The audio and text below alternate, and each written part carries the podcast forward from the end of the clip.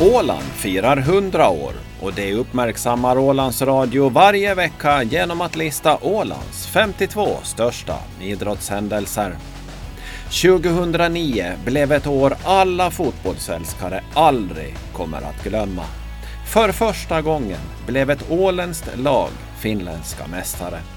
Redan från start i ligan var Åland United nära medaljer och 2009 stämde allt. Inför den sista matchen var guldet redan klart och matchen mot Pojo var egentligen bara en väntan på att få lyfta bucklan.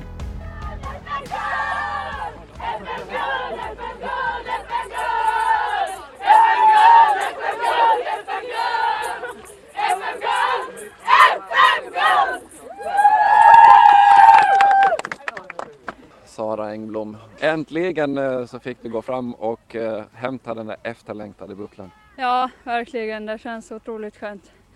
Men samtidigt är det, känns det lite konstigt ändå. Vi har ju vetat om det så länge. Men, men som sagt, nu fick vi äntligen lyfta bucklan. Då, så det känns jätteskönt. Vad var mera pirrigt? Var det matchen idag eller var det det här att få gå och hämta bucklan efteråt? ja, no, pirrigt och pirrigt. Vi, vi sa vi kör sista matchen nu, vi ska ha roligt och gå ut och köra vårt spel. Och det räckte inte hela vägen idag men, men som sagt, vi har tagit guld ändå. Så. Ja, det såg lite ut som att eh, redan från matchens första minut så såg det nästan ut från sidan så att ja, men blås av den här matchen så, att, så att vi får gå och hämta medaljerna istället.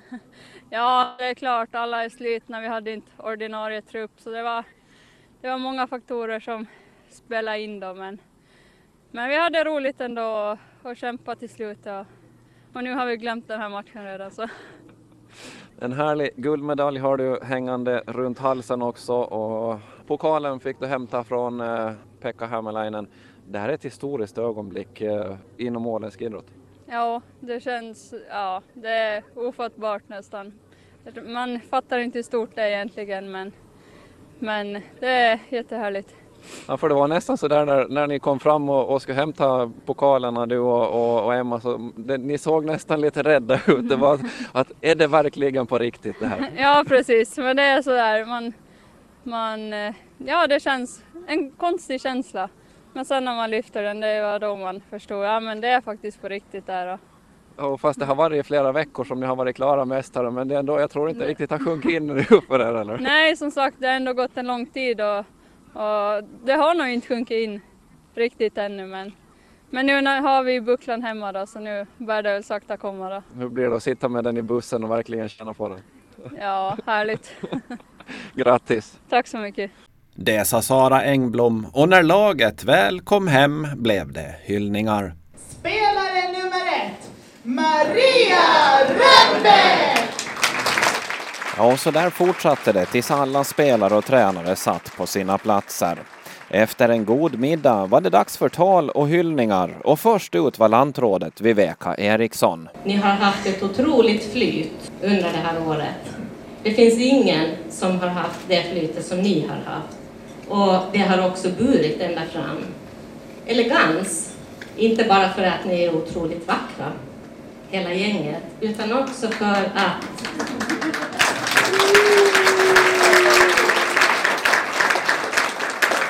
när ni rör er på plan, när ni för bollen framåt och i mål, då gör ni det med en otrolig eh, elegans. Ert spel är vackert. Ja, det är väl bara att instämma med vad lantrådet sa och så dessutom så gav hon Åland United en check på 10 000 euro från landskapsregeringen. Naturligtvis så var det ju prisutdelning också. I omröstningen av supportrarna om vem som var bäst i år så vann Elin Nilsen och hon var djupt hedrad. Det känns, jag är väldigt, väldigt hedrad över det priset. Hade du väntat dig att uh, supportrarna skulle välja dig? Nej, det hade jag... Eller, man ska inte säga att man inte alls har väntat sig det, men uh, jag hörde att publiken gillar mig, men jag hade ändå inte liksom förväntat mig att jag skulle vinna det, utan att jag blev ganska chockad. Och det sa Elin Nilsen. Guldet följdes upp 2010 med ett brons. Och 2012 var laget tillbaka på pallen och tog ett silver. Inför 2013 myntade Åland United uttrycket “Going for Gold” i sociala medier. Vågat kanske, men det lyckades. Åland Uniteds lagkapten Tina Sario var den som fick lyfta bucklan i lördags när Åland United äntligen fick jubla över det guld som laget säkrade redan den 5 oktober.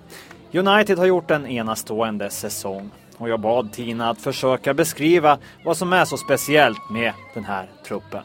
Just the quality in this group is just amazing and I think definitely the best team this year in the league and, and the winning mentality that the players have. And even when we secured the gold medal a couple weeks ago the practices were still intense and, and players wanted to get better and you know we wanted to win the rest of the games. And players just they keep pushing themselves further and further and not being satisfied with just winning, but wanting to do things properly and getting better. So it's very, very unique group. Och det sa Tina Sario. Flera medaljer kom under de följande åren.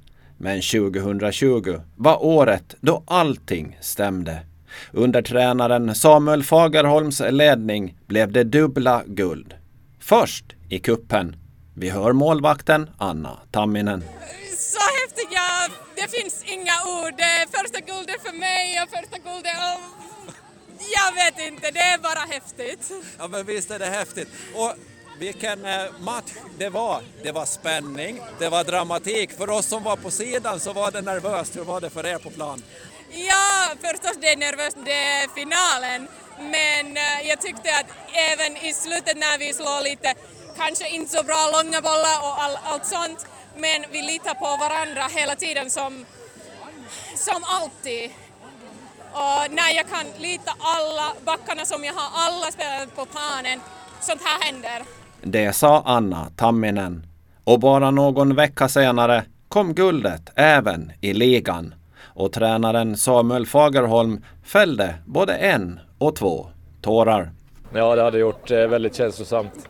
Det är så mycket som ligger bakom det här, mer än bara ett sportligt resultat som sagt. Och, och, nej, det är så mycket utmaningar som laget har tagit sig an för att till slut bli en riktigt sammansvetsad grupp som det finns en otrolig gemenskap och en otrolig driv framåt i. Det kändes som att de drev det själva till slut, så det är så, så man vill ha det som ledare.